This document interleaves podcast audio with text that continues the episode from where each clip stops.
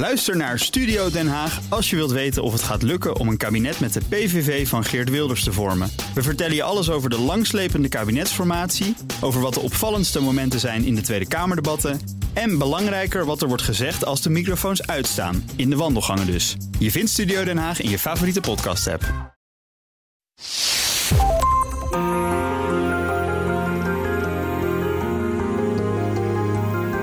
Je luistert naar De Stratege, een podcast van BNR in samenwerking met het Den Haag Centrum voor Strategische Studies. Mijn naam is Paul van Liemt.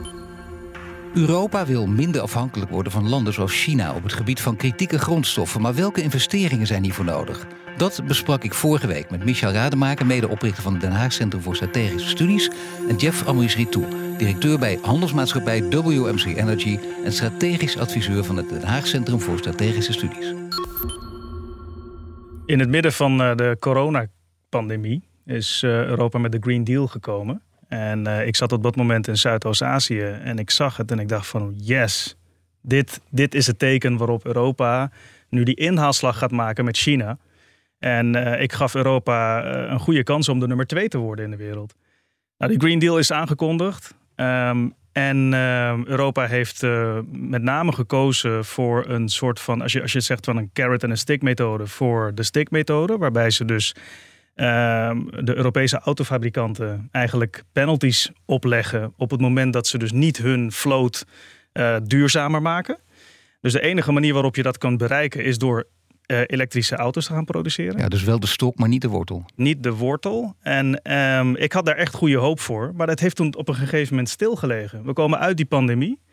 En um, uh, het lag, het lag lange, lange tijd stil. En um, in augustus vorig jaar heeft Biden toen vervolgens zijn visie en zijn uh, wetgevingspakket gepresenteerd onder de Inflation Reduction Act. Ja, en toen uh, zag je echt de hele industrie gelijk naar Amerika kijken. En uh, liet men eigenlijk Europa een beetje links liggen, omdat men Europa traag vond. Michel Radebaker en Jeff Amorosito die zijn ook nu mijn gasten, want we gaan luisteraarsvragen beantwoorden. Heren, er zijn er behoorlijk wat. Let goed op. De eerste die komt van de Barpje. Hoe belangrijk is Oekraïne in dit verhaal? Want ik heb begrepen dat er vooral in Donbass veel zeldzame metalen in de grond zitten die de EU nodig heeft. Nou, het is een goede vraag voor jullie allebei. Denk ik beginnen bij jou, Michel. Nou ja, het is, het is uh, spot on. Uh, daar zit heel veel in de grond. Um, ik heb wel eens ergens een staartje gehoord dat uh, 21 van de kritieke materialen, maar dat is van voordat het de 34 waren, um, daar ook vandaan zouden kunnen komen. En, uh, en je, moet, je moet niet onderschatten wat oorlogen betekenen en waar, wat de drijfveren voor oorlogen zijn. Uh, Poetin praat er niet over, maar de meeste oorlogen, en 60% wel, wordt mede in stand gehouden doordat er toegang tot commodities, zoals dat mooi heet, uh, ook een rol speelt. Dus dat zou me hier ook niet verbazen. Nou ja, daar speelt dan uh, de geschiedenis wel een belangrijke rol. Heel veel dingen kun je er niet uit leren, maar dit wel, dat is heel veel. Dus in dit geval ook wel degelijk. Natuurlijk praat hij daar niet over. He, dat is gewoon toch even die rookwolk hier ook overheen trekken. Maar het is wel, denk je, ook één van de belangrijke. Het is niet prioriteit één, maar wel binnen het, uh, het lijstje van vijf. Nee, om het maar even heel cynisch te zeggen, dat maakt de business case interessanter voor Poetin. Ja, zeg maar. nou ja, goed, zo ja. ligt het dan bijna. Ja, dat, zo kijk je er ook naar, Jeff, of niet? Ik bedoel, uh, die vraag is wel belangrijk. Hè? In de Donbass veel zeldzame materiaal in de grond... die de EU dus ook nodig heeft. Ja, ik ben, ik ben ietsje voorzichtiger met, uh, met die conclusie dan, dan Michel. Misschien, uh, ik, ik kan niet in meer karakter te maken? Of, uh... Ja, misschien wel. misschien wel. Maar kijk, de, de feiten zijn er wel. Hè. Um, Oekraïne is rijk aan grafiet bijvoorbeeld. Grafiet is een hele belangrijke grondstof in de energietransitie. Dus dat is een feit. de Oekraïne heeft de grootste reserves aan grafiet in Europa. Op continentaal Europa. Uh, daarnaast weten we ook dat uh, de Oekraïne rijk is aan, uh, aan lithium, lithium resources, dus, dus reserves. Um, en we weten ook uit, uit gesprekken met een aantal partijen dat het Kremlin um, Russische bedrijven nu heeft um, aangemoedigd om die reserves eigenlijk om daar concessies op, op af te geven en, en zich in te schrijven voor die concessies. En um, waardoor ze zichzelf kunnen presenteren als een geïntegreerd bedrijf. Dus niet alleen verwerking van lithium, maar ook uh, het, uh, het, uh, het op het delven van lithium. Um, en dat doet hij natuurlijk met een reden, want het komt uit geannexeerd gebied. En daarmee legitimeert hij eigenlijk de aanwezigheid van, van Rusland. Dan de tweede vraag, die komt van Barry. De vraag naar, naar lithium, lithium inderdaad, en kobalt. Kobalt zal in de komende jaren meerdere malen verdubbelen, aangezien de mijnen niet aanzienlijk aanwezig zijn in de westelijke wereld en het proces schadelijk is voor het milieu. Is deze energietransitie wel houdbaar voor Europa op de langere termijn? Wil Barry weten. Jeff. Ja, ik denk wel, ik denk wel degelijk dat het uh, houdbaar is. Ik denk uh, wel dat we um, realistisch moeten zijn over de tijdlijnen. Uh, en daarmee bedoel ik dat we ons goed moeten realiseren dat het gemiddeld 10 tot 15 jaar duurt voordat je een mijn zover hebt dat het kan produceren. vervolgens duurt het weer 2 tot 5 jaar voordat je een verwerkingsinstallatie helemaal op volle toeren kan laten draaien. Dus daar zitten gewoon bepaalde tijdlimieten aan. Uh, en dat moeten we ons realiseren. Dus of het allemaal voor 2030 gaat lukken, uh, dat denk ik niet. Uh, maar uiteindelijk komen we er wel. Nee, met die limieten kan het gewoon niet nee, als je snel doorrekent. Maar de vraag zal in ieder geval van, van lithium en kobalt de komende jaren meerdere malen verdubbelen. Absoluut. Dat is, dat is gewoon een gegeven, hoe dan ook. Ja, zie je, ja, dat zet toch wel, om, om het cliché maar te gebruiken, enorme uitdagingen dan, Michel. Ja, nou, onder, onder druk wordt alles vloeibaar. Dus we hebben het net al over. Uh, vorige week hebben we het over gehad uh, dat, dat die vergunningen uh, voor korte doorlooptijden vragen. Dat is er één. Ik denk dat, dat het mogelijk ook zou kunnen zijn dat overheden helpen bij zeg maar, de aanloopkosten en de risico's die daar ook bij spelen. Um, ja, maar gaan ze dat doen? Ik bedoel, dat, nou, dat hoop je dat, natuurlijk. Dat, maar. hopen we wel. En maar wijst er iets in de richting dat ze het ook gaan doen? Nou, wat je wel ziet in de Critical Raw Materials Act, en dat is onder andere, dat, dat, dat hebben we vorige week ook kort even benoemd, is dat, dat er sprake is van strategische projecten. En als je dan goed doorleest, staat er eigenlijk, daar is het mogelijk om staatssteun te gaan uh, leveren. En dat betekent gewoon dat je subsidies geeft op uh, projecten die misschien anders moeizaam van de grond zouden kunnen maar komen. dit kan dan weer voor de duidelijkheid, daar hadden we namelijk vorige week ook over per lidstaat, of moeten alle lidstaten het hier ook weer over eens zijn? Nou, ja, sorry. Nou, ik, ik, het, het, dat Michel. zal per land spelen, weet je. Maar de EU geeft eigenlijk zijn blessing dat hier mogelijkheden voor zijn. Uh, want als, als je als land zegt van nou, ik wil staatssteun toepassen... dan heeft de EU daar wat over te zeggen of dat akkoord is. En daarmee, hiermee zeggen ze eigenlijk van nou, als dat speelt... gaan we waarschijnlijk met jou akkoord. Jeff. Ja, nee, sorry, ik wilde daar even op inhaken. Dus de, de procedure zoals het nu in de Critical Raw Materials Act is weergegeven... is dat uh, elk, elke lidstaat heeft een uh, entiteit waar jij uh, je project kan aanmelden. Die entiteit zal dan als eerste toetsen of jouw project strategisch is, of het dus van strategische waarde is. Als dat het geval is, gaat die entiteit dat presenteren aan de Europese Commissie. En daar is een speciaal orgaan voor opgericht nu, de, de Critical Minerals Board. Die gaat dat toetsen. En op het moment dat jouw project als strategisch is geclassificeerd, dan kan je dus in aanmerking komen voor staatssteun, zoals Michel zegt. Ja, voordat die klassificatie uh, plaatsvindt, dan ben je ook weer heel lang en heel veel tijd verder? Of ga, zit hier wel een beetje nee, ja, dat is dus het hele punt. Want kijk, uh, we hebben het over, die, over het verkorten van die tijdlijnen. Maar het verkorten van die tijdlijnen die gelden pas vanaf het moment dat je geclassificeerd bent als strategisch project.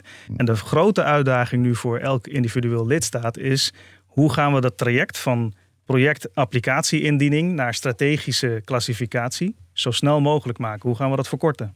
Nou ja, als we zien waar we voor staan, uh, voor wat voor grote verhalen, dan zal het ook wel moeten. Er zal over nagedacht zijn, neem ik aan, nu al? Of, of is het toch een kwestie van nu commissies en weer mensen overbuigen, weer rapporten? Uh, allereerst moet uh, de Critical Raw Materials Act verheven worden tot wet. Het ja. moet effectief worden. Nou, het moet eerst nu langs het Europees Parlement en daarna naar de Raad van Europa. Ja, dat klopt. Maar nu we zien wat er wereldwijd gebeurt, zal dit redelijk snel kunnen. En is dat redelijk snel een half jaar of, of is dat heel snel? Ja, kijk, het moet in ieder geval als je het mij vraagt, moet het voor augustus gebeuren. Want in augustus gebeurt er niks. En als het niet in augustus gebeurt, dan gebeurt het pas in september.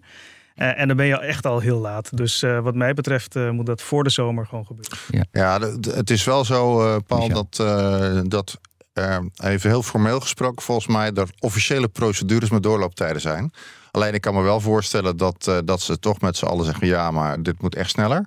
Um, dus daar heb ik wel goede hoop op. Of dat voor de zomer is, dat weet ik niet. Maar uh, je hebt ook een democratisch proces in die zin uh, nodig, denk ik.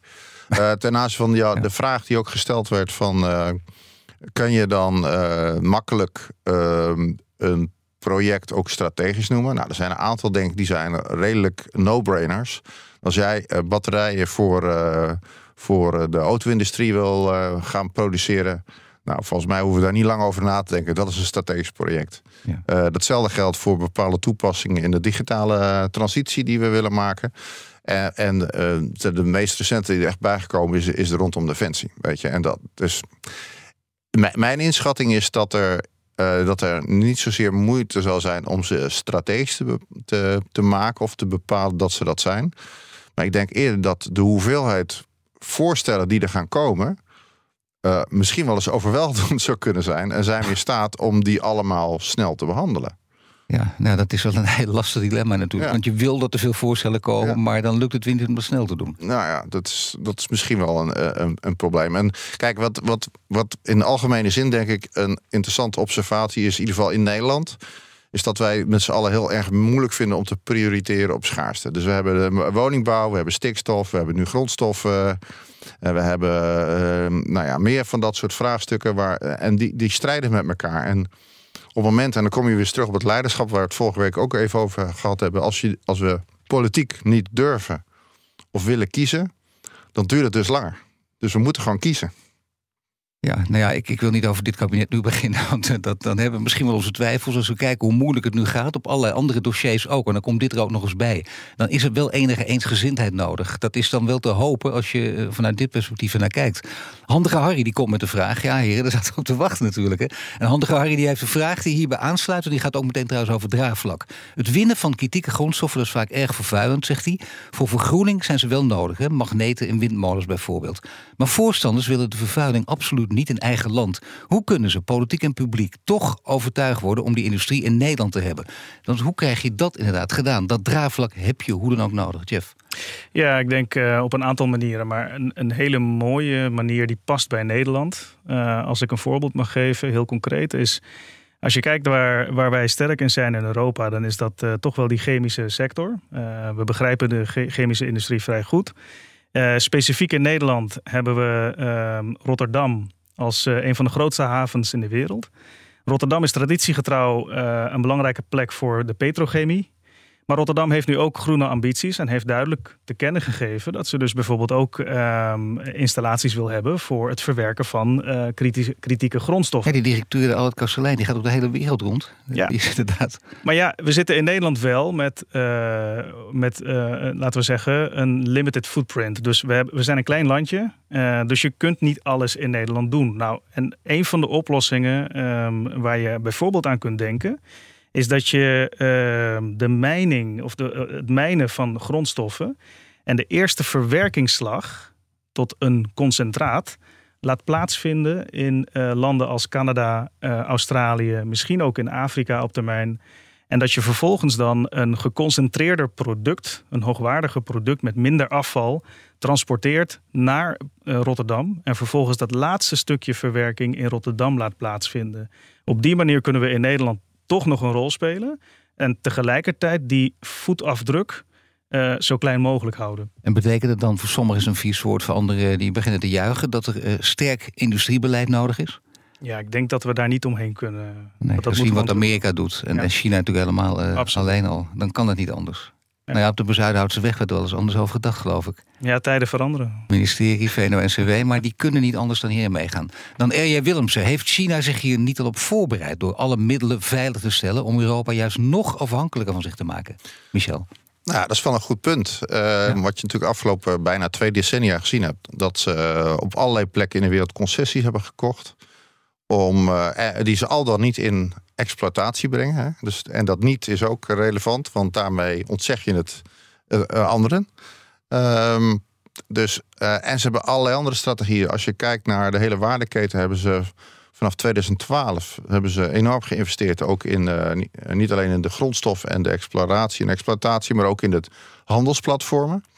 En ze, wat, wat Jeff vorige week ook al zei, er wordt ook enorm ingezet op de halffabrikaten en de eindfabricage. Dus dan zie je op bepaalde waardeketens dat ze gewoon op iedere stap in de waardeketen boven de 80% in control zijn. Tjoe, dat is wel echt heel veel. Dus inderdaad, China heeft zich heel goed voorbereid. Ja, maar nog niet zo goed, Jeff, dat we volkomen kansloos zijn. Want dat is toch, laten we zeggen, het hoopvolle sluitstuk misschien wel van deze uitzending. Ja, absoluut. Ik denk dat wat Europa goed doet. Uh, misschien kunnen we afsluiten met een compliment aan Europa. Wat Europa goed doet is uh, dwingende wetgeving in het leven roepen.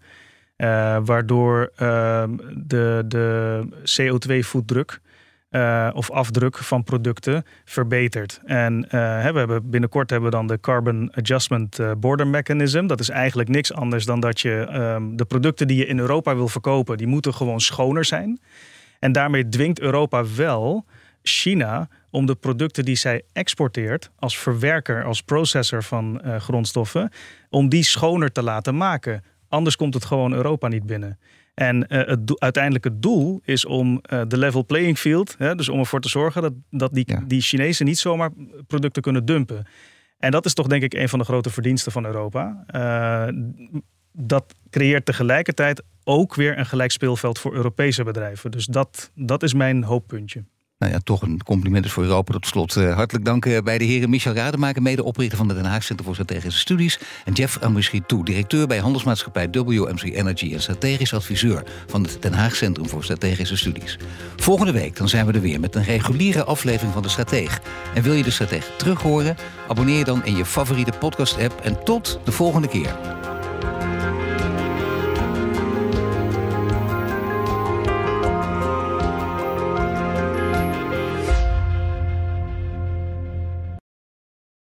Ook Thomas van Zeil vind je in de BNR-app. Je kunt live naar mij luisteren in Zaken doen. De BNR-app met breaking news, het laatste zakelijke nieuws... en je vindt er alle BNR-podcasts, bijvoorbeeld Het Nieuwe Geld. Download nu de gratis BNR-app en blijf scherp.